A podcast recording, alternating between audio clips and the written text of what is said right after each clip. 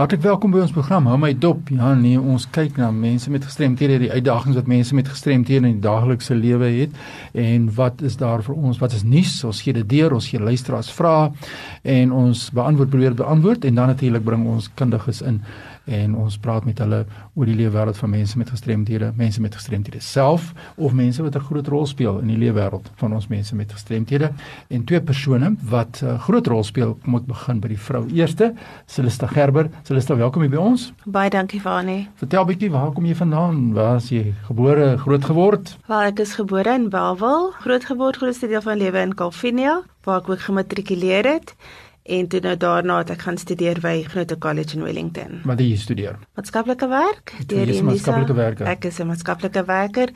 En by wie is jy? Ek is tans 'n maatskaplike werkbestuurder by Weskaap Vereniging vir persone met gestremthede en ek was vir die beste deel van 14 jaar 'n veldwerker vir IPD by twee IPD takke eers in die Parel en toe in Goodwood.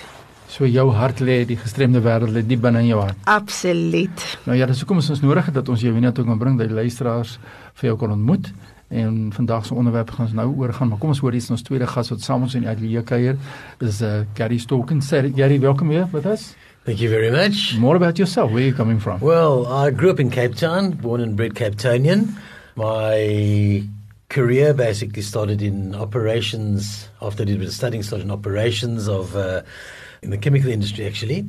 And in my operations, I learned how to manage people, and I learned that actually managing people well is a key to a successful business. And my human resources background actually stems from on the factory floor managing people. Managing people. Managing people. But interesting. Dis as ek die eerste keer van gehoor het shocking. Sê vertel ons bietjie die die agtergrond oor die van. Waar kom dit vandaan? die van it comes from originally from Russia, Lithuania actually. Yeah. Um it's probably short shortened in a kind of a way. I'm not sure how the Russian spelling was. Yeah. But my ancestors came at at roughly the time of the Russian Revolution. My would have been my grandparents and they when they were still kids. Wonderful to have you here with us today in our program on disability. And the topic today is the National Minimum Wage Act. And that's a long thing to discuss, and we're going to have one or two or three programs, four if necessary, to unpack this issue and how persons with disabilities have been affected by the National Minimum Wage Act. So, can you for say, Gary, please tell us what is the National Minimum Wage Act? The purpose of the Act is to advance the economic development and social justice by improving the wages of the lowest paid workers, also protecting workers from unreasonably low wages, preserving the value of the national minimum wage, and promoting collective bargaining and supporting economic policy. And we've got to understand that um, some workers are really earning very, very low wages, unfairly low, and national minimum Wage Act actually balances this out. So dis daar omdat ek vir jou ingebring het, dis jy is nou by vereniging persone met gestremthede betrokke en jy het ook te doen met 'n diensneming en jy het te doen met mense wat in werk winkels werksaam is by julle.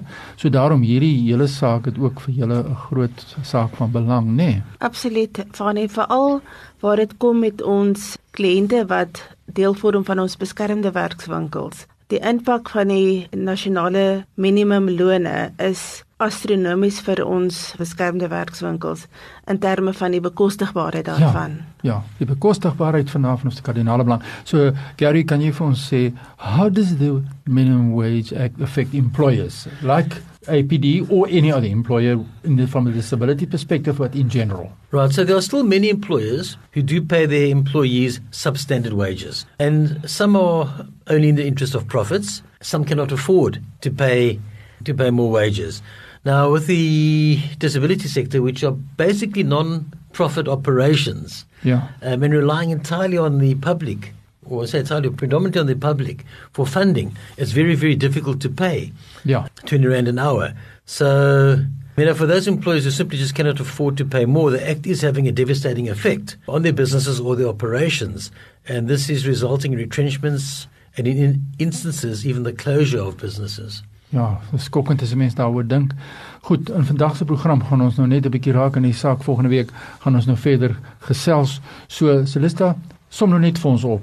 Ons hoor nou hierdie olifant is nou in hierdie vertrek nê. Nee. Nou moet ons dit begin eet. stukkie vir stukkie, maar ons moet 'n bietjie dieper krap. Sê hom sommer vir ons weer op ons program is nou program oor die leefwêreld van mense met gestremthede en jou perspektief dan oor die NPO's tot ter afsluiting van ons program dan gaan ons die kontak besonderhede gee en wag vir terugvoer van die luisteraars en dan volgende week dan gesels ons verder maar wat is die NGO's se uh, impak op hulle net weer samevattend Maar op hierdie stadium soos Gary vroeër genoem het, is die feit dat NGO's so afhanklik van die publiek vir ondersteuning.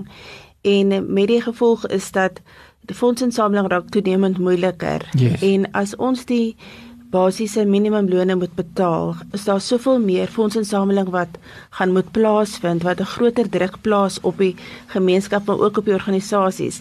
En ons het al gesien dat daar organisasies is waar hulle werkswinkels moes toemaak wat daartoe gelei het dat ouers moet hulle werk opgee om tuis te kan bly ten einde na hulle gestremde kind of dan 'n familielid moet kyk.